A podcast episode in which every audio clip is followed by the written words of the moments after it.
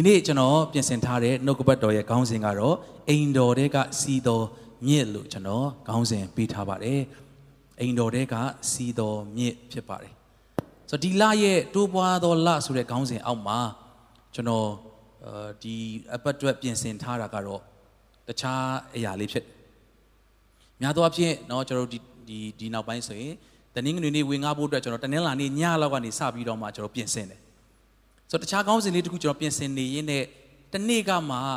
ကျွန်တော်ရဲ့အတွေးခေါ်ထဲမှာဖခင်ကကျမ်းစာလေးတစ်ခုကိုထည့်ပေးတယ်အဲ့ဒါကတော့ရေစကြည်လအခန်းကြီး40ခွန်ဖြစ်ပါတယ်ဆိုတော့ဒီအကြောင်းအရာကကျွန်တော်တာကြီးဝင်ငါနေကြဝင်ငါတဲ့ပုံစံမျိုးမဟုတ်တဲ့ခါမှာကျွန်တော်နည်းနည်းတွေးဝေးတယ်တစ်ဖက်မှာကျွန်တော်တော်တော်လေးပြင်ဆင်ထားတဲ့အရာတစ်ခုရှိတယ်သို့တော့လွန်ခဲ့တဲ့နှစ်ရက်ကမှကျွန်တော်နှလုံးသားထဲမှာဒီအကြောင်းအရာလေးရောက်လာတဲ့ခါနော်အရန်ကြီးတော့လူနေနဲ့ ပြင်ဆင်ခြင်းတော့မရတော့လည်းပဲဒီနေရာမှာရောက်လာသောသူအ ਨੇ ဆုံးတယောက်ထက်မနေသောသူတွေအတွက်ဒီနှုတ်ကပတ်တော်ကကြီးမားစွာသောကောင်းကြီးဖြစ်စေမယ်လို့ယုံကြည်တယ်အာမင်ဒါယုံတန်းစကားနဲ့သို့မဟုတ်တော့ဒီစိတ်တက်တက်ကြွအောင်ပြောတာမို့ကျွန်တော်ဒီလိုမျိုးခဏခဏမပြောတတ်ပါဘူးသို့တော့ဒီနေ့နှုတ်ကပတ်တော်ကတော့တေးကြတယ်ခံယူတဲ့သူတိုင်းအောဘွယ်ရာနော်လွတ်မြောက်ခြင်းနဲ့စီးဆင်းမဲ့နှုတ်ကပတ်တော်ဖြစ်တယ်ဟာလေလုယာယုံကြည်တော်သူများလက်ခုပ်တီးလက်ခံယူကြရအောင်အာမင် ဆိုတော့ဒီရေစကြည်လ40ခွန်ကိုပဲကျွန်တော်တို့အဓိကထားပြီးတော့မှခံယူလေ့လာတော့မှာဖြစ်ပါတယ်လို့အငယ်1ကနေပြီးတော့မှအဲကျွန်တော်တို့ဒီ1နဲ့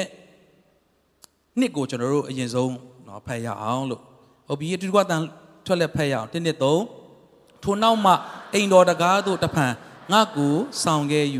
တကားခုံအောက်မှအရှိဘက်သို့ထွက်သောရေကိုငါမြင်၏ အိမ်တော်ဦးသည်အရှိသို့မျက်နာပြု၍ရေသည်အိမ်တော်တကားခုံလက်ရအောက်ရစ်ပလင်တော်တောင်ဘက်မှစီးသွားလေ၏တဖန်မြောက်တကားလမ်းဖြင့်ငါကိုထုတ်၍ပြင်၌ဝိုင်းသွားလျက်ရှေ့သို့မျက်နာပြုသော ပြင်တကားလမ်းဝသို့ရောက်သောအခါလက်ရဘက်မှစီးသောရေကိုငါမြင်ဟုတ်ပြီဆက်ဖက်လိုက်ရအောင်သုံးကနေကျိုးကိုကင်တော်သူသည်အရှိသို့သွားပြီးလျင် တောင်တောင်စိတ်အောင်တိုင်း၍ငါကိုရေကူးစေ၏ရေသည်ဖမြက်သို့မိလေ၏တဖန်အတောင်တောင်စိတ်အောင်တိုင်း၍ရေကူးစေပြန်လင်ရေသည်ဒူးကိုမိလေ၏တဖန်အတောင်တောင်စိတ်အောင်တိုင်း၍ကူးစေပြန်လင်ရေသည်ခါးကိုမိလေ၏တဖန်အတောင်တောင်စိတ်အောင်တိုင်းသောအခါမကူးနိုင်သောမြစ်ဖြစ်လေ၏ရေထသောကြောင့်နင်း၍မကူးနိုင်ခြေထောက်၍ မမီနိုင်ကူးရသောမြစ်ဖြစ်၏ထိုသူကအချင်းလူသာဤယာကိုမြင်သည်မဟုတ်လောဟုပြောပြီးမှတဖန်ငါကိုခေါ်သွား၍ငါတို့ပြန်စီဟုတ်မှာအဲ့မှာခဏရက်ထားရအောင်เนาะကျွန်တော်တစ်ကနေ6ထိဖြစ်ပါတယ်ဒါကတော့ prophet ကြီးယေဇကျေလကိုဖခင်ကမြင်မက်စေတဲ့ယူပါယုံတဲကတစ်ခုဖြစ်ပါတယ်တခါလေကျွန်တော်တို့ယူပါယုံလို့ပြောတဲ့ခါတကယ်မှမဟုတ်တာစသဖြင့်ကျွန်တော်တို့စဉ်းစားတတ်တယ်ဒါပေမဲ့အဲ့ဒီဖခင်ပြထားတဲ့ယူပါယုံတွေက တကယ်ပဲเนาะတစ်ချိန်မှာပြည့်စုံလာတယ်ဆိုတာကိုကျွန်တော်တွေ့ရတာဖြစ်ပါတယ်ဆိုတော့ဒီနေရာမှာတော့အိမ်တော်ကနေပြီးတော့မှစီးဆင်းလာတဲ့ရေတွေကိုငါမြင်ရတယ်တဲ့ဆိုတော့ဒီဟာကိုကျွန်တော်ရှုတော့အာတော်တော်များများနဲ့เนาะကျွန်တော်တို့လေ့လာခဲ့ကြတယ်ဆိုတော့ဒီနေ့မှလည်းဘုရားကကျွန်တော်တို့ကြားဘူးပြီးသားရှုတောင်းလည်းဖြစ်မယ်အသစ်ဖွင့်ပြချက်တွေလည်းဘုရားကပြင်ဆင်ပေးမယ်လို့ယုံကြည်ပါတယ်ဆိုတော့အငယ်၃မှာ နော်တော့ရေတွေစီးဆင်းလာပြီးတော့မှတဲ့ကျိုးကိုကင်တော်သူကအရှိကိုသွားပြီးလင်အတောင်တောင်စိတ်အောင်တိုင်းပြီးငါ့ကိုကူးစေတယ်တဲ့ရေဒီဖမြက်သူမိလေဆိုတာခြေမျက်စိကိုပြောတာဖြစ်တယ်ဆိုတော့စီးလာတဲ့ရေကနော်ဘလောက်ရှိသလဲဆိုပြီးတော့မှ तू ဟိုကူးဖို့ရန်အတွက်ဖြတ်လျှောက်ဖို့ရန်အတွက်သွားလိုက်တဲ့အခါမှာသူ့ရဲ့ခြေမျက်စိကိုမိတယ်တဲ့အဲ့ဒါနဲ့နောက်တစ်ခါတထောင်စိတ်အောင်တိုင်းပြီးတော့ရေကူးစေပြန်လင်ရေဒီဒူးကိုမိလေပြီးတဲ့အခါတထောင်စိတ်အောင်တိုင်းပြီးကူးစေပြန်လင်ရေဒီခါးကိုမိလေ နော်ပြီးတဲ့အခါတဖန်အတောင်တောင်စိတ်အောင်တိုင်းတော့ကမကူးနိုင်တော့မြစ်ဖြစ်တယ်ရေထတော့ကြောင့်နင်း၍မကူးနိုင်ခြေထောက်၍မမီပဲကူးရတော့မြစ်ဖြစ်၏တဲ့ဒီတိုးပွားခြင်းကဘုရားရဲ့ညင်ရမှာဖြစ်တယ်လို့ကျွန်တော်တို့ပြီးခဲ့တဲ့ဘက်ကလည်းပြောခဲ့သလိုဘုရားကတင့်ကိုကောင်းကြီးပေးတဲ့အခါမှာနော်နည်းနည်းပါးပါးလောက်ပဲသူ့ရဲ့ကောင်းမြတ်ခြင်းတွေကိုမြည်ဆန်းစေခြင်းနဲ့ဘုရားမဟုတ်ဘူးဆိုတော့သင်နားလည်ဖို့လိုတယ်အာမင်ပြီးတော့ဘုရားဘက်ကစီစဉ်လာပြီဆိုရင်လေ မစိုးမပို့လေးနဲ့နည်းနည်းလေးနဲ့ရက်သွားတယ်ဆိုတာမရှိဘူးဆိုတော့ဒီဟာကိုကြည့်လို့ရှိရင်စသွားတဲ့ခါမှာခြေမျက်စိပြီးတဲ့ခါဒူးတဲ့ပြီးတော့ခါကိုဆိုတယ်ပြီးတဲ့ခါမှာနော်ဟိုဆက်ပြီးရှောက်လို့မရလောက်အောင်ဖြစ်လာတဲ့အထိဖြစ်တယ်ဆိုတာကကိုယ့်ဘက်ကမဟုတ်ဘဲနဲ့စီးလာတဲ့မြစ်ကပို့ပို့ပြီးအရှိန်များလာတယ်ပို့ပို့ပြီးတော့မှနက်ပြီးတော့မှပို့ပို့ပြီးကျေပြန့်လာတယ်ဆိုတာကိုပြနေတာဖြစ်ပါတယ်အာမင် ဒီနေ့2023မှာသင်တဖြည်းဖြည်းနဲ့ယော့ကျသွားတဲ့အသက်တာဖြစ်ဖို့ဘုရားလိုတော့မရှိဘူးဟာနှစ်တဝက်ကုန်ပြီငါတို့ကပို့ပို့ပြီးတော့မှနော်ကြာဆင်းလာပြီမဟုတ်ဘဲနဲ့ပို့ပြီးတော့မှဘုရားနဲ့ရှောက်လေခြေမျက်စိကနေဒူးဒူးကနေခါအထိခါကနေတကိုယ်လုံးမြုပ်တဲ့အထိဖခင်ရဲ့ကောင်းမြတ်ခြင်းတွေကိုသင်မြင်တွေ့ရမှာဖြစ်တယ်ဟာလေလုယာ2023သုံးဖို့ဒီနေ့ဟာသင်တကိုယ်လုံးမြုပ်အောင်ဒီနော်ဥမာရေးဆိုရင်တားနေတာဆိုရင်ဘလို့မှကူးလို့မရဘူးလေသူကခြေမျက်စိပြီးတော့ဒူးပြီးတော့ခါ ပြီးတဲ့အခါမှာ तू မတည့်ရက်ဖို့အစင်မပြေတော့ဘူးတဲ့အဲ့ဒီအခါမှာ तू ကကူးပါကူးလိုက်ရတယ်တနည်းအားဖြင့်တကိုယ်လုံးနစ်မြုပ်သွားတယ်ဒီနေ့ဖခင်ရဲ့ကောင်းမြတ်ခြင်းဟာနောက်ထပ်6လငါတို့ဘလို့သွားရမလဲမပူနဲ့ဖခင်နဲ့အတူသွားသောသူရဲ့အသက်တာမှာလေခြေမျက်စိကနေပြီးတော့မှဟာအောက်ကိုကျသွားပြီးခြေပွားတိရောက်သွားတယ်ဆိုတော့မရှိစေရဘူးဟာလေလုယာဖခင်ကောင်းမြတ်ခြင်းကတရက်ပြီးတရက်တက်လာတယ်အာမင်လက်ခုပ်တီးလက်ဖျားခြေစောချီးမွမ်းရဒီနေ့တဲ့သက်တာမှာ ခြေမျက်စိထိဘုရားရဲ့ကောင်းမြတ်ခြင်းနဲ့ခံစားခဲ့ပြီးပြီလားဒူးထိခံစားခဲ့ပြီးပြီလားအဲ့ဒီမှာရက်သွားဖို့ဘုရားလိုတော့မရှိဘူးဒီမှာတချို့တွေတူမှာမဟုတ်ဘူးနော်အမျိုးမျိုးရှုထောင့်မျိုးမျိုးချိမယ်ဆိုရင်တချို့သောသူတွေကဟာငါဘုရားကျောင်းတော်သွားဘုရားတန်ကတခါမှမကြားဘူးသေးဘူးနော်ဟာငါငါငါအတွက်ကခြေမျက်စိမှာပဲဖြစ်နေတယ်ဆိုရင်ဒီနေ့သင်ဒူးထိမြုပ်ရမယ်နေဖြစ်မယ်ဘုရားကဟာလေလုယာဟာဒါဆိုရင်ငါဒူးထိရောက်နေပြီဒါဆိုငါအတွက်ခွဲတန်းကုန်ပြီလားမဟုတ်ဘူး သင်အတွက်သာ၍နဲ့နဲရရကြံသေးတယ်ခါတီမြုပ်ရမယ့်နေ့ကဒီနေ့ဖြစ်တယ်ဟာလေလုယာဟာလေလုယာဒီဖခင်ကလေပို့ပို့ကောင်းတယ်တော့မဟုတ်ကောင်းပြီးသားပါနော်ပို့ပြီးတော့မှနော်ဟိုတရပြီးတဲ့ပိုကောင်းသွားတာတော့မဟုတ်ဘဲသူ့ရဲ့ကောင်းမြတ်ခြင်းတွေကိုကျွန်တော်တို့ကတရပြီးတရတာ၍မြင်ရတာဖြစ်တယ်ဟာလေလုယာဒါကြောင့်တိုးပွားခြင်းလို့ပြောတဲ့အခါဖခင်ကငါသားငါသမီးနော်မင်းခြေမျက်စိမှာပဲ ခြေမျက်စိလေးဆိုပြီးတော့ပဲနေဖို့ဘုရားကကျွန်တော်တို့ကိုလွတ်ထားပေးတဲ့ဘုရားမဟုတ်ဘူးအာမင်သူ့ရဲ့မြစ်ရေကအိမ်တော်ကနေစီးလာတဲ့မြစ်ရေကတင့်တကိုယ်လုံးတင်ပင်ပန်းပြီးခြောက်ကပ်ပြီးတော့မှခေါင်းစင်တောင်တက်လို့မရအောင်ခြောက်သွေ့နေတဲ့သူတွေရှိနိုင်တယ်ဒီနေ့ရေရှားတဲ့ရက်ကျွန်တော်တို့ဆိုမုံရောင်မှာကြီးပြင်းလာတာဖြစ်တဲ့အတွက်နော်ချင်းတွင်းမြစ်ကအချိန်တော်တော်များများမှာရေခမ်းတယ်ခမ်းတဲ့ကကျွန်တော်တို့ငငယ်တော့ဆိုရင်ကလေးမျိုးပြန်မယ်ဆိုရင်နော်ကလေးဝါတီတကယ်အေးပေါ်ပါညာဆိုရင် မမရနော်ကျွန်တော်အမေရဲ့အဖေကျွန်တော်အဖိုးဆုံးတော့ဆိုရင်ကျွန်တော်တို့ဒီရေနဲ့ရေလန်းနဲ့ပြန်ကြတယ်ပေါ့လေဆက်လေလိုမျိုးနဲ့ပြန်ကြတဲ့ခါမှာလမ်းမှာတောင်ထွန်းနေတဲ့ခါကျတော့ဆင်းတွန်းရတဲ့အထိဖြစ်နော်ဆိုတော့ရေကနဲတဲ့ခါမှာမတွင်တော့ပြီးတဲ့ခါနော်ဒီစိုက်ပျိုးရေးအတွက်တော့၎င်းရေကအရန်ရေးချီးတယ်ဒီနေ့သင်ဘလောက်၆ကပ်ပြီးတော့မှဒီကိုရောက်လာတယ်လေသင်ဆူဆွချင်း လန်းဆန်းခြင်းရှိဖို့ရန်အတွက်ဝိညာဉ်တော်ရဲ့မြည်ရည်ကအိမ်တော်ကနေတင့်အတွက်စပြီးစီစဉ်နေပြီဖြစ်တယ်။ဟာလေလုယာဒီနေရာနေပြီးတော့သင်၆ကတ်စွာနဲ့ဘုရားကပြန်လွတ်မှာမဟုတ်ဘူး။သင်အလားတုံးကသို့မဟုတ်အသင်ရဲ့ဘဝမှာဒုတိလို့နော်ဒါဟိုခိုင်းနိုင်ပြီးပြောမယ်ဆိုဒုတိဆိုစွတ်ဘူးတဲ့သူတယောက်ကနော်ခြေမျက်စိပြန်ကြပြီးပြန်သွားဖို့လေဘုရားကလို့တော့မရှိဘူး။ သင်ခါတီခါပြီးတဲ့ခါသင်တကူလုံးမြုပ်တဲ့အထိဘုရားကဒီနေ့ဝိညာဉ်ထဲမှာအိုးနင့်မြုပ်ဝတော်ခွင့်ကိုဘုရားကပေးမှာဖြစ်တယ်လက်ခုပ်တီးလက်ဖျားချေးစောချီးမွမ်းရအာမင်ဟာလေလုယာဒါကြောင့်နော်ဒီတိုင်းလမ်းလျှောက်ပြီးကူးလို့တော့မရလောက်အောင်ရေတွေကတက်လာတယ်တဲ့ဆိုအဲ့ခါမှာအဲ့ဒီຢာကိုမြင်တယ်မဟုတ်မဟုတ်ဘူးလားလို့မေးတယ်ပြီးတော့မျက်နာကိုပြန်သွားစေတယ်တဲ့အငယ်ခွန်ကနေပြန်စဉ်အခါမျက်နာနှစ်ဖက်၌များစွာသောအပင်တို့ကိုငါမြင်၏တဲ့ ရှစ်မှာထိုသူကလည်းဤရည်သည်အရှိတို့စီး၍တောကိုရှောက်ပြီးမှအိုင်သေးသို့ဝင်တက်သောအပြင်အိုင်ရည်သည်ချိုလိမ့်မည်အသက်ရှင်၍လှုပ်ရှားတတ်သောတရဝအမျိုးမျိုးတို့သည်ထိုမြည်ရည်ရှောက်သမျှသောအရက်တို့၌အသက်ရှင်၍အလွန်များစွာသောငါတို့လည်းရှိကြလိမ့်မည်ထိုမြည်ရည်သည်ချိုသောကြောင့်ရောက်သမျှသောအရက်တို့၌တရဝအမျိုးမျိုးတို့သည်အသက်ရှင်ကြလိမ့်မည်တဲ့ဆိုတော့ဒီအရာလေးကဘာကိုပြောချင်တာလဲဆိုတော့ဒီကျမ်းပိုက်ဒီဒီဖြစ်ပျက်က အဲ့ဒီရေကားတဲ့စီးသွားပြီးတော့မှတောကိုရှောက်ပြီးတော့အိုင်သေးသို့ဝင်သောအဖြစ်အိုင်ရေဒီချိုလိမ့်မိတယ်ဒါကိုကျွန်တော်တို့เนาะသူ့ရဲ့ background ပြီးတော့သူ့ရဲ့အတက်ဖွင့်ချမ်းတွေကျွန်တော်ကြည့်တဲ့အခါမှာအိုင်ဆိုတာကပင်လယ်သေးကိုပြောတာဖြစ်တယ်ပင်လယ်သေးငါးတွေလည်းထပ်ပြီးတော့မမွေးနိုင်တော့ဘူးတော့ဆက်လက်ပြီးအသက်ရှင်ခြင်းဆိုတာမရှိတဲ့เนาะတကယ်ကိုပုတ်နေတဲ့เนาะလေပတ်ခြင်း circulation လည်းမရှိဘူး နော်လက်ဆက်တဲ့တန့်ရှင်းတာလည်းမရှိဘူးပင်လေသေးကြီးအိုင်ကြီးဘွက်ကြီးဘာမှလုပ်လို့မရတော့တဲ့ဘာမှထပ်ပြီးမျောလင့်လို့မရတဲ့နေရာကြီးဖြစ်တယ်တဲ့ဒါပေမဲ့အဲ့ဒီပင်လေသေးတဲ့ကိုတဲ့အိမ်တော်ကစီးဆင်းလာတဲ့မြစ်ကဝင်သွားတဲ့အခါမှာလုံးဝကိုသုံးလို့မရတဲ့တောက်လို့မရတဲ့နော် Dead Sea နော်ကျေးဇူးတော်ကြောင့်2016တုန်းကကျွန်တော်အဲ16လား19လားမသိကျွန်တော် Israel ရောက်တဲ့ခါမှာပင်လယ်သေးကိုရောက်တယ်နော် Dead Sea အဲ့ဒီခါမှာဟိုအရန်ကိုငံပြီးတော့မှလေဘာမှဟိုတောက်လို့ရတဲ့ဟာမျိုးမဟုတ်ဘူးပေါ့ဒါပေမဲ့ဒီအဲ့ဒီအဲ့ဒီ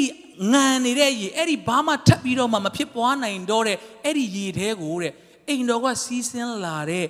မြစ်ကြီးကဝင်သွားတဲ့ခါမှာတဲ့ငံသောရေဘာမှအငတ်မပြေနိုင်တဲ့ရေကချိုသောရေဖြစ်သွားစေတယ်တဲ့ဟာလေလုယာ ဒီတင့်သက်တာထဲမှာဘာမှထပ်ပြီးတော့မှမမွေးဖွားနိုင်တော့လောက်အောင်သေနေတဲ့အရာတွေဘယ်နှခုရှိသလဲဘလောက်တောင်မှအိမ်လိုမျိုးเนาะဖြစ်နေတယ်လေအဲ့ဒီထဲကိုဒီနေ့စီးစင်းလာတော့ဖခင်ရဲ့အိမ်တော်ကစီးစင်းလာတဲ့မြစ်ရဝင်သွားတဲ့ခါမှာစတင်ချိုလာတော့မှာဖြစ်တယ်ဟာလေလုယာဟာလေလုယာဒီနေ့ထိုမြစ်ရရဲ့ချိုခြင်းထိုအသင်းရဲ့အသက်တာမိသားစုတွေကိုဝင်ပြီးတော့မှအရသာရှိသောအသက်တာဖြစ်ဖို့ရတဲ့ဘုရားရှင်ကောင်းကြီးပေးပါစေ အဲ့ဒီခါမှာတဲ့အသက်ရှင်၍လှုပ်ရှားတတ်သောတရားအမျိုးမျိုးတို့သည်ထိုမြစ်ရောက်သမျှသောအရက်တို့၌အသက်ရှင်၍အလွန်များစွာသောငါတို့လည်းရှိကြလိမ့်မည်ထိုမြစ်သည်ချိုသောကြောင့်ရောက်သမျှသောအရက်တို့၌တတဝအမျိုးမျိုးတို့သည်အသက်ရှင်ကြလိမ့်မည်လုံးဝအသက်မရှင်နိုင်တဲ့ပတ်ဝန်းကျင်နော်ဘလို့မှထပ်ပြီးတော့မှအသက်မွေးဖွားခြင်းဆိုတာမရှိနိုင်တော့ဘူးတိုးပွားခြင်းဆိုတာမရှိနိုင်တော့ဘူးဆုပ်ယုပ်ခြင်းပဲရှိတယ်ပုတ်ပွားခြင်းပဲရှိတယ်ဒီအိမ်ထဲမှာဒီဘွက်ထဲမှာပဲဘာမှ နော်မျောလင့်စရာမရှိတော့ဘူးဒါပေမဲ့အဲ့ဒီမြစ်ရည်ရောက်သွားတဲ့နေရာတိုင်းကခြိုသွားတယ်ခြိုသွားတယ်တနည်းအားဖြင့်ဘာဖြစ်လဲဆိုတော့အသက်ဖြစ်စေတယ်တဲ့အာမင်ဒီနေ့သင်ရဲ့မိသားစုထဲမှာဘယ်ကဏ္ဍတွေကသေသူတို့ဖြစ်နေပြီလဲဖခင်ရဲ့မြစ်ရည်စတင်စီးဆင်းလာပြီဆိုရင်ချိုသောအသက်ရည်ကအသင်အတွက်စတင်စီးဆင်းလာပြီးတော့မှဟိုအပင်မပေါက်တော့ဘူးထင်ထားတဲ့ရက်ဝန်းမှာအပင်တွေအများကြီးပြန်ပေါက်လာမယ်အသီးမသီးတော့ထင်ထားတဲ့နေရာမှာအသီးတွေများစွာပြန်သီးလာမှာဖြစ်တယ်ဟာလေလုယာ ဟာလေလုယာဒီနေ့နော် prophet ပြုလက်ချို့သောသူတွေကိုပြောချင်တယ်ဒီနေ့သင်ရဲ့စီးပွားရေးအိုင်ကြီးကဘာမှထပ်ပြီးတော့မှမထွက်နိုင်တော့ဘူးလားသင်ရဲ့မိသားစုအိုင်ကြီးလို့ဖြစ်နေပြီအရသာကလည်းနော်ငံပြီးတော့ပုတ်ပွားပြီးတော့မှဘာမှမဖြစ်နိုင်တော့ဘူးလားဒီနေ့ဖခင်ရဲ့မြစ်ရည်ကိုစတင်ပြီးတော့မှနေရာပေးကြည့်ပါအဲ့ဒီမြစ်ရည်စီးဆင်းလာပြီဆိုရင်အသက်ကစပြီးရှိလာမှာဖြစ်တယ်ချိုးမြင်ခြင်းကစတင်နေရာယူလာမှာဖြစ်တယ် ငားတွေလုံးဝမရှင်နိုင်တဲ့ရေအိုင်ကြီးကငားတွေအများကြီးရှင်လို့ရတဲ့နေရာဖြစ်သွားတယ်တဲ့ဟာလေလုယာဒါကြောင့်ဖခင်ရဲ့နှုတ်ကပတ်တော်ရောက်လာတဲ့နေရာမှာတိုးပွားခြင်းတွေကရပ်တန့်လို့တော့မရတော့ဘူးအာမင်တချို့သောသူတွေအတွက်အနှဲငယ်မဟုတ်ဘူးများစွာတိုးပွားခြင်းရှိဖို့ဖခင်ရှင်ကောင်းကြီးပေးပါစေရပ်တန့်လို့မရတဲ့တိုးပွားခြင်းယေရှုနာမနဲ့ဆေလွတ်ပါတယ်အာမင်ဟာလေလုယာအဲ့ဒီခါမှာအငယ်30မှာအိုင်နာမှာတန်ဃာတို့သည်ရက်၍ အင်္ဂေတိရွာမှစ၍အေနေကလင်ရွာတိုင်အောင်ပိုက်ကွန်ဖြန့်ချရာအရက်ဖြစ်လိမ့်မည်သူတို့ပိုက်ကွန်ဖြန့်ချတဲ့အရက်ကဘလောက်တောင်ကြီးသွားသလဲလုံးဝငားတွေမရှင်နိုင်တဲ့တက်ရှိတတော်ဝါနော်ထပ်ပြီးမမွေးဖွားနိုင်တဲ့အဲ့ဒီအိမ်ကြီးအဲ့ဒီအိမ်ကြောင့်နော်ဟိုရှင်နေတဲ့တတော်ဝါတွေတောင်တည်သွားနိုင်တဲ့အခြေအနေမှာအခုကျတော့အဲ့ဒီအိမ်ကငားတွေအများကြီးရှိပြီးတော့မှာတဲ့နော်ပိုက်ကွန်ဖြန့်ချရာအရက်ကလည်းအကျယ်ကြီးဖြစ်သွားတယ် ပြီးတော့ငားမျိုးမျိုးတွေဒီမဟာပင်လယ်ငားကဲသို့အလွန်များပြားကြလိမ့်မည်အဲ့ဒီမှာလဲနော်ဒီနှစ်ပွင့်ချမ်းတွေကြည့်တဲ့အခါမှာမြေထဲပင်လယ်လို့သူကပြောထားတယ်မြေထဲပင်လယ်လိုမျိုးဆိုတော့မြေထဲပင်လယ်ကိုကျွန်တော်အချိန်အများကြီးမရတဲ့အတွက်အသေးစိတ်မလေ့လာဖြစ်ပေမဲ့မြေထဲပင်လယ်ကြောင်းနိုင်ငံလေ့လာကြည့်တဲ့အခါမှာတကဘာလုံးမှာရှိတဲ့ငားရဲ့8ရာခိုင်နှုန်း9ရာခိုင်နှုန်းလောက်ကအဲ့ဒီမြေထဲပင်လယ်မှာရှိတယ်တဲ့ဘလောက်များမလဲတကဘာလုံးရဲ့ 1ရာခိုင်နှုန်းဆိုရင်တော့နည်းမှာမဟုတ်ဘူးနော်တကဘာလုံးရဲ့8ရာခိုင်နှုန်းလောက်ရှိတယ်တဲ့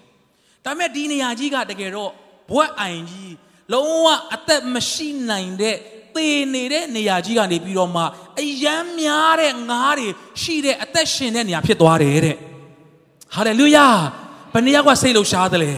သင်အိမ်ကိုကြည့်တဲ့အခါသင်မိသားစုကြည့်တဲ့အခါငါတို့မိသားစုတွေကဘာတွေထွက်နိုင်မှာလဲငါတို့ကဘာမှဆက်ပြီးမွေးဖွားနိုင်မှာမဟုတ်တော့ဘူးလို့သင်ထင်နေသလား ဒီနေ့နည်းနည်းပါးပါးပဲတိုးပွားစေမဲ့ဖရားမဟုတ်ပဲနဲ့ကြီးမားစွာသောအစပေါင်းများစွာတိုးပွားခြင်းကိုသင်မိသားစုမှာဖရားကချပေးနိုင်တာဖြစ်တယ်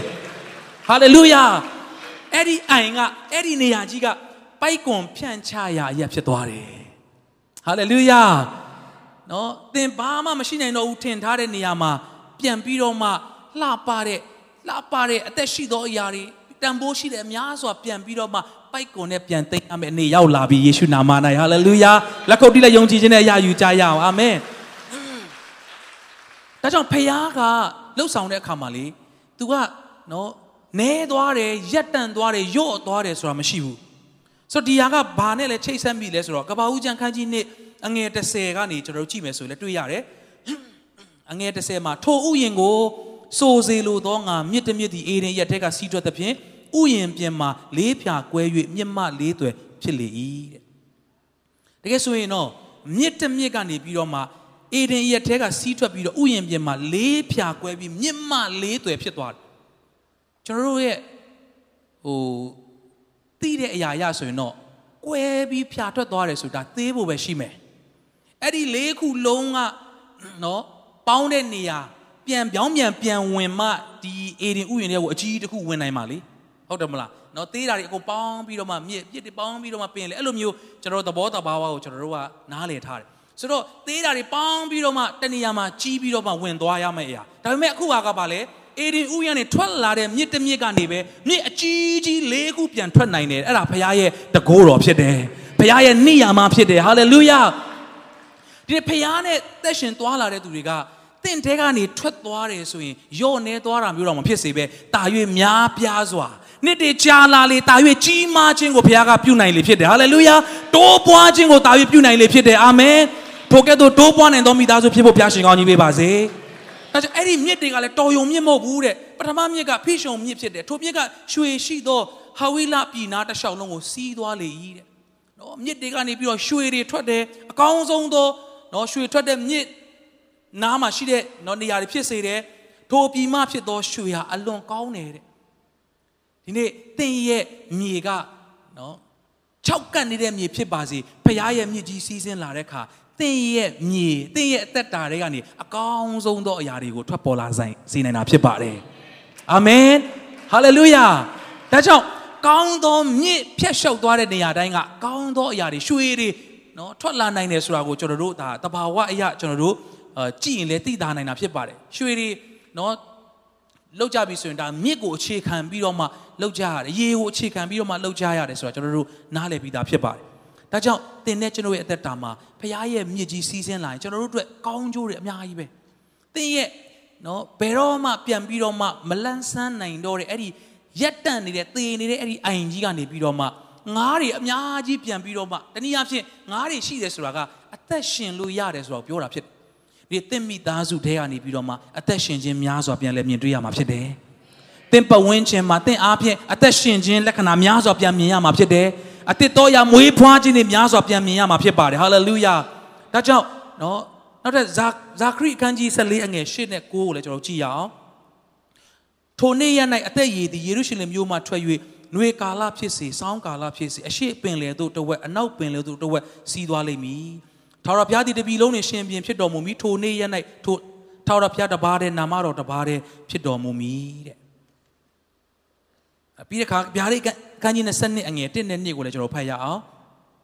တဖန်ကြောက်တလင်းကဲ့သို့ကြည်လင်၍ဘုရားသခင်နှင့်တိုးတငယ်ကြီးပလင်တော်တဲကထွက်သောအသက်ရည်စီးရာမြစ်ကိုကောင်းကင်တမန်သည်ငါအားပြလေ၏မြို့လမ်းမအလယ်၌၎င်းထိုမြစ်နှစ်ဖက်၌၎င်းအသက်ပင်ရှိထိုအသက်ပင်သည်အသီး12မျိုးကိုတီးတတ်၏မိမိအသီးကိုလည်းလတိုင်းပေးတတ်၏အရွက်သည်လည်းလူမျိုးမျိုးတို့၏အနာရောဂါငြိမ်းစရာတို့ဖြစ်၏တဲ့အဲ့ဒီမြစ်စီးဆင်းသွားတဲ့တလျှောက်ဟာ မပေါက်ဘူးတဲ့နော်မပေါက်တော့ဘူးထင်ထားတဲ့အပင်တွေအသက်ရှင်ခြင်းမရှိမရှင်သန်နိုင်မှုထင်ထားတဲ့ငါးတွေနော်တွေးရမယ်လို့မထင်ထားတဲ့များစွာသောငါးတွေကိုမြင်ရတဲ့အာမြစ်ဖြစ်စေတယ်ဒီကျွန်တော်တို့အသက်တာမှာလဲဖခင်ရဲ့မြစ်ကျွန်တော်တို့အသက်တာထဲမှာအေဒင်ဥယျာဉ်အလယ်ကနေပြီးတော့ဖခင်ပြင်ဆင်ပေးတဲ့မြစ်ကြီးကစီးဆင်းသွားတယ် ဒီနေ့တင့်မိသားစုအလယ်မှာဖခင်ရဲ့အိမ်တော်ကစီးဆင်းတဲ့မြစ်ကြီးကစတင်နေရယူလာပြီဆိုရင်တော့ဆိုဆွချင်းဆိုပြေခြင်းကလုံးဝနေရယူလာမှာဖြစ်တယ်တိုးပွားခြင်းတွေကနေရယူလာမှာဖြစ်တယ်အသီးသီးခြင်းတွေကနေရယူလာမှာဖြစ်ပါတယ်လက်ခုပ်တီးလက်ဖျားယေရှုတော်ကိုချီးမွမ်းကြရအောင်အာမင်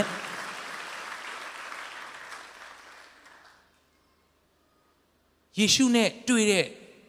သူတွေမှတ်တမ်းတင်ထားတဲ့အရာတွေတွေ့တဲ့အခါမှာ ယေရှုနဲ့တွေ့လို့ကတော့စိတ်ပြက်ပြီးပြန်သွားတယ်ဆိုတာမရှိဘူးအသက်ရပြီးပြန်သွားတယ်လွတ်မြောက်ပြီးပြန်သွားရတယ်ဒီရှမာရိအမျိုးသမီးအကြောင်းကျွန်တော်တို့အားလုံးသိပြီးဖြစ်ပါတယ်အသေးစိတ်စမ်းစာမှာဖတ်တော့သူကနော်လူတွေရဲ့သတ်မှတ်ချက်ရလုံးဝမကောင်းတဲ့သူတယောက်ယွန်ရှာစရာကောင်းတဲ့သူတယောက်ဖြစ်တယ်ဒါပေမဲ့သူ့ရဲ့အသက်တာတွေကိုတစ်ချိန်မှာမြစ်ကြီးတစ်မြစ်ကစီးဆင်းလာတယ်အသက်မြစ်ကြီးကစီးဆင်းလာတယ်အသက်ဆန်းရည်ကြီးကစီးဆင်းလာတယ်အဲ့ဒါကတော့ယေရှုဖြစ်တယ်အာမင် တွေ့ကြတာကယာကုပ်ရဲ့ရေတွင်းနားမှာတွေ့ကြတယ်အဲ့ဒီခါမှာယေရှုကခီးသွားရင်းနဲ့ဖြစ်တဲ့ခါမှာရေတောင်းတောက်တောင်းတောင်းနေရင်းနဲ့ပဲယေရှုကပြောလဲဆိုတော့တင့်ကိုရေတောင်းတဲ့သူကဘသူဆိုတာမင်းသိတယ်ဆိုရင်ပြီးတော့ဘုရားရဲ့ကျေးဇူးတော်ကိုသင်နားလေတယ်ဆိုရင်တဲ့သင်ဟာငါစီကရေတောင်းတောက်လိမ့်မယ်တဲ့မြို့သမီးကနားမလဲဘူးဟာသူတော်မှရေခတ်စရာမရှိလို့ငါစီကရေတောင်းတောက်တာပြောနေနဲ့ငါသူ့စီကရေတောင်းတောက်အောင်မလို့ဖြစ်သွားတယ် ယေရှုကပြောလဲသင်အခုခတ်နေတဲ့ရေကတော့တောက်ပါဒါပေမဲ့တစ်ချိန်မှာပြန်ငတ်မယ်တဲ့ဒါပေမဲ့ငါပေးတဲ့ရေကိုမင်းတောက်ကြည့်ပဲဆိုရင်တော့နောက်တစ်ခါပြန်မငတ်မဲ့သက်ဆန်းရေဖြစ်တယ်တဲ့ဟာလေလုယာဟာလေလုယာကျွန်တော်တို့တောက်လေတောက်လေအငတ်မပြေတဲ့လောကကြီးမှာနော်ငါဒီအဆင့်ကိုရောက်ရမယ်အဲ့အဆင့်ရောက်သွားရင်ခြေနဲ့သလားဆိုတော့ဟာဒီအဆင့်မှာနော်လူအများကြီးပဲ နော်အဲ့ထက်မြင့်တာမှပို့ပြီးတော့ကောင်းတာငါအဲ့ထက်ကိုထက်ဆက်သွားရမယ်ထက်သွားခြင်းလာတယ်နော်ဒီလောက်ငါရှိတယ်အာရှိတဲ့ခါမှာလည်းထက်ရှိခြင်းလာတယ်ဘယ်တော့မှငတ်မပြေတဲ့လောကရဲ့ရေတွေကိုသင်ဘလောက်ပဲတောက်တောက်နောက်တစ်ခါပြန်စာနေမှာဖြစ်ပါတယ်ဒါပေမဲ့ယေရှုကငါပေးတဲ့ရေကိုတောက်ကြည့်ပါလားအဲ့ဒါကဘယ်တော့မှပြန်မငတ်ဘူးတဲ့အဲ့ဒီခါမှာအမျိုးသမီးကလူချားထဲမှာတွားတွားပြီးတော့မှရေခတ်ရတာရှက်လဲရှက်ရတယ်နော်သူတို့ရဲ့အဲ့ဒီတော့က နော်ဒီနာယီပြန်တွက်ကြည့်တဲ့အခါမှာမွန်းတဲ့ချိန်နေပူကျဲတဲ့ချိန်မှာသူကတွားတွားပြီးရေခတ်ရတယ်ဘာလို့လဲဆိုတော့လူများတွေနဲ့မတိုးချင်လို့ဆိုတာမျိုးเนาะကျွန်တော်တို့ဒါကြားဘူးပြီးသားဖြစ်ပါတယ်ကျမ်းတက်တွေကအနက်ဖွင့်ထားတာဖြစ်တယ်သူကမကောင်းတဲ့အမျိုးသမီးဖြစ်တဲ့အခါမှာလူတွေနဲ့မတိုးမဲ့နေပူတဲ့အချိန်မှာရေသွားခတ်ရေခတ်တယ်ဆိုတာညနေနေအေးတဲ့အချိန်မှာခတ်တာများသောအားဖြင့်ဒါပေမဲ့ तू ကကြတော့နေအရန်ပူတဲ့အချိန်ဘယ်သူမှရေတွင်းသားမှာတိတ်မရှိတဲ့အချိန်မှာ तू ကသွားခတ်ရတယ် ဒီနေ့သင်ဘဝနေပူထဲမှာရှောက်နေရတာဘယ်လောက်ကြာပြီလဲနေပူထဲမှာခတ်လို့တခါတောက်ပြီးတော့မှ10ရက်ခံသလားဆိုတော့မဟုတ်ဘူး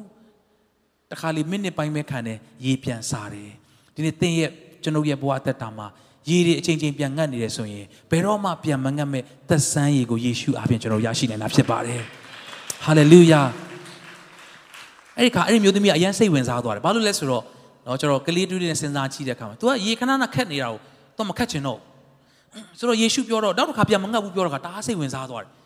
နောက်တစ်ခါပြန်မငတ်မဲ့ရေရှိတယ်ဆိုရင်သခင်ကျမကိုပေးပါတဲ့ဒီနေ့နောက်တစ်ခါပြန်မငတ်မဲ့ရေဘယ်နှယောက်ကလိုချင်တယ်လဲငွေရှိရင်စိတ်ချမ်းသာမယ်ထင်ပြီးငွေကိုကုန်ယုံရှာတယ်ဒါပေမဲ့တကယ်ငွေရှိတဲ့ခါမှာလည်းတခြားတစ်ခုခုနဲ့ပြန်ပြီးတော့မှမငြိမ်သက်တာတွေစိတ်ပူရတာတွေစိတ်သက်ကြတာရှိတယ်မဟုတ်ဘူးလား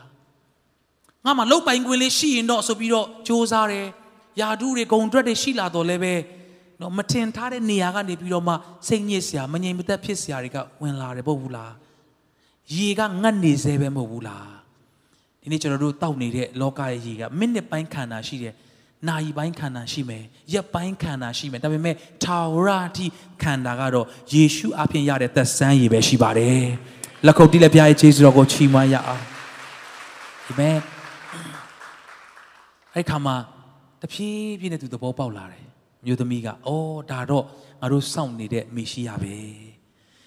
သူ့ကိုငါတို့တကယ်သိပြီဆိုရင်ငါတို့ဘယ်တော့မှရေပြန်ငတ်မှာမဟုတ်တော့ဘူးထာဝရသက်ဆိုင်ကိုရမှာပါလားဆိုတာ तू နားလည်သွားပါတယ်ဒီနေ့တင်းရဲ့အသက်တာမှာနော်တိုးပွားခြင်းမပြောနဲ့ minus တွေပြနေပြီလားဒီပုတ်ပွားနေတဲ့အိုင်တွေကနေပြီးတော့မှငါးတွေအသက်ရှင်ပြီးတကောင်ပြီးတကောင်မျိုးဆက်လိုက်ထပ်ပြီးမွေးဖွားမယ်ဆိုတော့လုံးဝမဖြစ်နိုင်တော့ဘူး သေနေပြီအဲ့ဒီအဲ့ဒီအိုင်ကအဲ့ဒီပင်လေကဘာမှထပ်မျောလင်းစရာမရှိတော့တဲ့အိုင်ဟာဖျားမြည်ရည်စီးစင်းလာတဲ့ခါမှာချိုမြင်ခြင်းကပြန်ပြီးနေရာယူသွားတာဖြစ်တယ်အာမင်ဒီနေ့တင့်သက်တာထဲမှာထိုင်နေရင်နဲ့ဩဒီနောက်ကဒါကငါ့အတွက်ပါလားငါတို့မိသားစုငါရဲ့သက်တာတကယ်တော့ပင်လေသေးလို့ဖြစ်နေပြီဘာမှထပ်ပြီးတော့မှမမွေးဖွားနိုင်တော့ဘူးဘာမှထပ်ပြီးတော့မှမပေါက်ဖွားနိုင်တော့ဘူးဘာမှထပ်ပြီးမျောလင့်စရာမရှိတော့ပါလားလို့သင်ဒီနေရာကိုရောက်လာသလား မှန်ပါတယ်အခြေအနေကတော့ဒါပေမဲ့ဖျားမြစ်ရည်ကနော်ဖျားရဲ့မြစ်ကြီးကအေရင်ဥယျာဉ်အလဲကနေဖြက်စီးလာတဲ့အခါမှာတဲ့နော်အလဲတဲ့တဲ့ကနေဖြက်တန်းပြီးစီးဆင်းလာတဲ့အခါမှာအေရင်ဥယျာဉ်ကအလိုလိုဆိုပြေးလာတယ်တဲ့နော်ဒီရေစကြည်လ40ခွန်အငယ်7ကိုကျွန်တော်တို့ကြည့်ရအောင်အဆုံးပိုင်းနေနဲ့မြစ်ကမ်းပါနှစ်ဖက်၌စားစရာကောင်းသောအပင်အမျိုးမျိုးပေါက်ကြလိမ့်မည်လူဖတ်ရအောင် အရွက်လဲမညိုးမနွမ်းရအသီးလဲမပြတ်ရလာတိုင်းအစင်နှုသောအသီးကိုတီးလိမ့်မည်အကြောင်းမူကားတန့်ရှင်းရာဌာနတဲကထွက်သည်အသီးသည်စားစရာဖို့ဖြစ်၏အရွက်သည်အနာရောဂါငြိမ်းစရာဖို့ဖြစ်သည်ဟုငါအားပြောဆို၏ဒီနှုတ်ကပတ်တော်အသင်အတွက်ဖြစ်တယ်ဟာလေလုယာဆိုတော့သူဘာလို့ထပ်မြင်ရလဲဆိုတော့မြစ်ကမ်းနားနှစ်ဖက်မှာတဲ့စားစရာကောင်းသောအပင်အမျိုးမျိုးပေါက်ကြလိမ့်မယ် စဉ်းစားကြည့်အရင်တော့ကအိုင်ကြီးရွှွန့်ပွက်ကြီးဘာမှမျော်လင့်စရာမကောင်းတော့တဲ့သေနေတဲ့ရေကြီးဒါမဲ့အခုတော့ပြောင်းသွားပြီချိုမြိန်သောမြစ်ကြီးကနေရာယူလာတဲ့ခါမှာတဲ့အဲ့ဒီမြစ်ကမ်းနားနှစ်ဖက်မှာနော်တကယ်ပဲစားစရာကောင်းတဲ့အပင်တွေပေါက်တယ်တင့်သက်တာထဲမှာဘာမှနော်ကောင်းတဲ့အရာတွေထပ်ပြီးမပေါက်ဖွားနိုင်တော့ဘူးလို့သင်စိတ်သက်ကြနေသလားဖခင်ရဲ့ ချစ်ချင်းမေတ္တာမြည်ရကမ်းနားမှာသင်ပြန်ပြီးစိုက်ခံရတဲ့အခါမှာလှပပြီးစားစရာကောင်းတဲ့အပင်တွေပြန်ပေါက်တဲ့အသက်တာကသင်ရဲ့သက်တာဖြစ်လာလိမ့်မယ်ဟာလေလုယာ prophet ပြုရင်းနဲ့သင်နဲ့သင်မိသားစုတို့ကြီးညာပေးခြင်းနဲ့အရွက်လဲမညိုးမနွမ်းရဘူးဟာလေလုယာမညိုးမနွမ်းရတော့ဗိတ်တွေကိုယေရှုနာမနဲ့ဝန်ခံကြီးညာပါတယ်အာမင်လက်ခုပ်တီးလက်ရယူရအောင်အာမင် အရွက်မညိုးနွမ်းဘူးဆိုတာနော်ဒီတိုင်းနေလို့မရအောင်အရန်၆ကတ်နေတဲ့နေရာမျိုးရေတောင်းမြင့်နော်ရေနားမှာမရှိတဲ့အပင်မျိုးဆိုအရွက်ကညိုးနေမှာဒါပေမဲ့အဲ့ဒီအရွက်မညိုးဖို့ကဘာလဲဆိုတော့အဲ့ဒီမြစ်ကမ်းနားမှာဖြစ်နေလို့အာမင်အသီးလဲမပြတ်ရလာတိုင်းအစဉ်နှုသောအသီးကိုတီးလိမ့်မည်ဒီနှုတ်ကပတ်တော်လဲတင့်တွက်ဖြစ်တယ်လို့ယုံကြည်ခြင်းနဲ့ဝန်ခံပါတယ်လာတိုင်းအစဉ်နှုသောအသီးကိုတီးမယ်ဟာလေလုယာ ယုံကြည်ခြင်းနဲ့ရယူကြရအောင်အာမင်ဆိုကျွန်တော်တို့တစ်ခါလေးမှာကျွန်တော်တို့ရဲ့အတွေ့အကြုံတွေကဖျား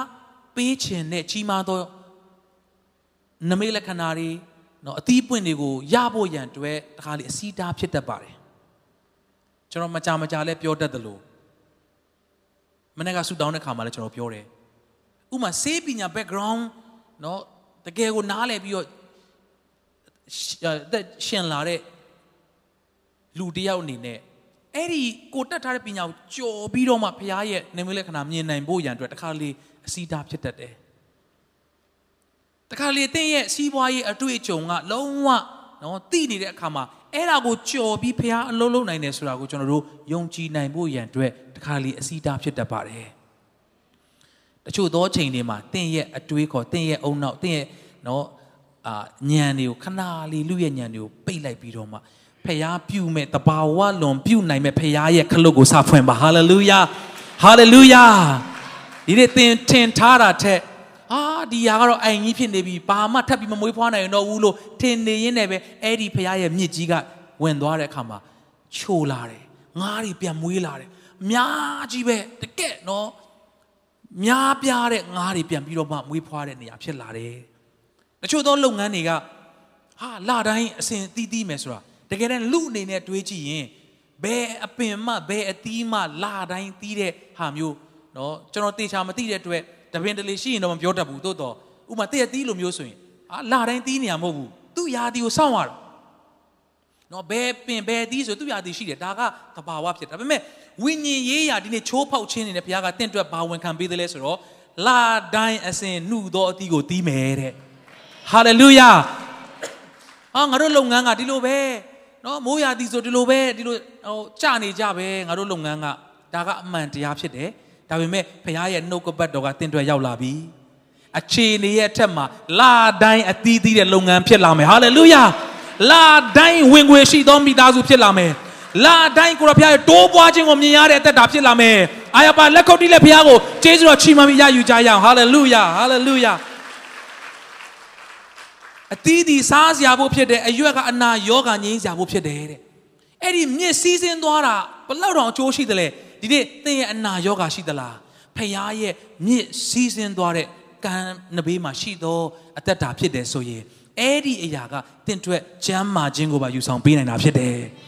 ဒီနေ့သင်ချမ်းမာမယ်နေဖြစ်တယ်အဲ့ဒီချမ်းမာခြင်းကဟိုဖြစ်နိုင်ခြင်းရှိတဲ့အတိုင်းတာထက်ကြော်လွန်ပြီးတော့မှကိုရဖျားတတ်နိုင်ခြင်းကိုမြင်ရမယ်နေဖြစ်တယ်အာမင်ဟဟာလေလုယာ ဒါကြောင့်ကျွန်တော်တို့ရဲ့အတွေ့အကြုံတွေကတခါလေကျွန်တော်တို့ကိုအစီတာဖြစ်စေတခါလေကျွန်တော်တို့ယုံကြည်တယ်လို့ထင်နေတာဒါပေမဲ့ဖြစ်နိုင်ခြေရှိလို့လက်ခံတာပဲရှိတယ်ယုံကြည်ခြင်းမဟုတ်ဘူးဖြစ်နေတာတေချာစစ်ကြည့်တဲ့အခါကျွန်တော်တွက်ကြည့်တယ်ဒါနဲ့ဒါနဲ့အော်ဖြစ်နေတယ်ဟုတ်ပဲအာမင်အဲထူးလိုက်တယ်ဒါပေမဲ့တချို့သောနေရာတွေမှာကိုယ့်ရဲ့အတွေ့အကြုံကြောင့်အာမင်ထူးဖို့ခက်တယ်တခါလေကိုယ့်ရဲ့အတွေ့အကြုံကြောင့်နော်ဟို yes လုပ်လိုက်ဖို့ရန်အတွက်ခက်ခဲနေတဲ့အရာတွေရှိတယ်ဒီနေ့တချို့သောသူတွေအတွက် ကျွန်တော်စိတ်ထဲမှာခံစားရတယ်သင်မရနိုင်တော့ဘူးထင်ထားတဲ့အဲ့ဒီ position အဲ့ဒီ role သို့မဟုတ်အဲ့ဒီအခွင့်အရေးနော်သေနေပြီဖြစ်တဲ့အိုင်ကြီးလို့ဖြစ်နေတဲ့အထဲကနေပြီးတော့မှလေနည်းနည်းလေးပဲမဟုတ်ဘူးအများကြီးငားတွေအများကြီးပြန်ဖမ်းရတဲ့ပိုက်ကွန်ချတဲ့အရက်ဖြစ်စေတကယ်တော့သင်အသက်တာမှာအခွင့်အရေးများစွာဘုရားကပြန်ပြင်ဆင်ပေးမှာဖြစ်တယ်။အိုးချီးမြှောက်ခြင်းများစွာဘုရားကပြန်ပြင်ဆင်ပေးမှာဖြစ်တယ်။စိတ်တက်တက်ကြွအောင် နော်ခဏခွာရှိအောင်ပြောတာမဟုတ်ဘဲနဲ့ဒီနေ့အတွက်ဘုရားကဒီစကားကိုပြောခိုင်းတယ်ဆိုတာကျွန်တော်လုံးသားထဲမှာတရားမှတရားယုံကြည်တဲ့ပြောတာဖြစ်တယ်။ယုံကြည်သောသူရဲ့တက်တာမှာစတင်အလုပ်လုပ်လာမှာဖြစ်တယ်။ဟာလေလုယာ။သင်လုပ်ငန်းကရက်တန့်နေပြီဘာမှထပ်ပြီးတော့မှနော်ပိုက်ကွန်ချစရာမရှိတော့တဲ့စီးပွားရေးဖြစ်နေသလားဒီနေ့ယုံကြည်ခြင်းပိုက်ကွန်ပြန်ချမယ်နေဖြစ်လာပြီပိုက်ကွန်ချတဲ့ရက်ကနည်းနည်းလေး၄50ပေမဟုတ်တော့ဘူးနော်အကျယ်ကြီး ပိုက်ကွန်ချတဲ့အရက်ပြန်ဖြစ်ဖို့ဖခင်ရဲ့မြည်ရည်ကစတင်စီစဉ်လာပြီဖြစ်တယ်ဟာလေလုယာဟာလေလုယာဒီနေ့သင်နားထောင်ကောင်းဖို့ပြောနေတာမဟုတ်ဘဲနဲ့သင်ကိုဖခင်ပြောခိုင်းသော prophet ပြုချက်နှုတ်ကပတ်တော်ကိုသင်အတွက်ဆေလွတ်နေတာဖြစ်တယ်အာမင်ဒီနေ့ချို့တော်သူတွေအစဉ်သင်ပြင်ထားပါကြီးမားသောအခွင့်အလမ်းတွေကသင်ကိုစောင့်နေပြီဖြစ်တယ်တချို့သောသူတွေပြင်ဆင်ထားပါသင်ဘာမှမဖြစ်နိုင်တော့ဘူးထင်ထားတဲ့နော်အဲ့ဒီအိုင်အိုင်နဲ့တူတာဘာဖြစ်မလဲ သင်လက်လွတ်ထားတဲ့သင်သားသမီးတွေဒီတယောက်ကတော့မရတော့ပါဘူးနော်မလိမ္မာဘူးဘယ်တော့မှပြောင်းလဲမှာမဟုတ်ဘူးအဲ့ဒီသေနေပြီလို့ထင်ရတဲ့အိုင်ကဲသို့တော့သင်ရဲ့သားသမီးရဲ့အထဲကနေလှပသောအရာတွေများစွာပြန်မွေးဖွားလာမှာဖြစ်တယ်ဟာလေလုယာဟာလေလုယာကျောင်းစိတ်ထဲမှာခံစားရတယ်တချို့သောသူတွေသူသဖြင့်အမျိုးသမီးတချို့ဖခင်ကယခုချိန်မှာပဲလေစကားပြောနေတယ်တင့်ထဲကနေပြီးဘာမှလှပတဲ့အရာ တင့်အားဖြင့်တင့်ပတ်ဝန်းကျင်တင့်မိသားစုမှာကောင်းသောအရာဖြစ်နိုင်မယ်လို့မထင်တော့ဘဲနဲ့စိတ်တက်ကြနေတော်သူများတချို့ရှိတယ်လို့ကျွန်တော်ဝိညာဉ်ထဲခံစားတယ်ဒီနေ့ဖခင်ကပြောနေပါတယ်ငါတပည့်ငါသားဘာမှမမွေးဖွားနိုင်တော့တဲ့အိုင်ကြီးကဲ့သို့ဖြစ်နေတဲ့တင့်သက်တာမှာငါရဲ့အိမ်တော်ကစီးစင်းတဲ့ထိုမြစ်ရည်အသက်ရည်စီးစင်းလာတဲ့ခါမှာချိုမြင်ခြင်းကစတင်နေရယူလာမယ်ဟာလေလုယာဟာလေလုယာ ကိုဘွားကအရန်ခါသီးတယ်လို့ခံစားတယ်အရန်ငံတယ်အရန်ကိုဟိုလူတွေအငတ်ပြေတဲ့ရေမျိုးမဟုတ်တော့ဘူးအရန်ကိုပုတ်ပွားနေပြီလားထိုကဲ့သို့ဘဝကအရန်ခါတီးပြီးတော့မှအသုံးဝင်တော့သလိုခံစားနေရတဲ့သူများရှိတယ်ဆိုရင်ဒီနေ့တင့်အတွက်ဆူတောင်းပေးခြင်းတယ်သင်ရဲ့ဘဝထဲမှာထိုဘုရားရဲ့မြစ်ကြီးကိုပြန်ပြီးစီးဝင်ခွင့်ပေးပါခါတီးခြင်းနေရာမှာအိုးငံပြီးတော့မှတောက်လို့မရတဲ့အငတ်မပြေတဲ့နေရာမှာချိုမြင်ခြင်းကပြန်လဲပြီးနေရာယူလာမှာဖြစ်တယ် ဟာလေလုယာ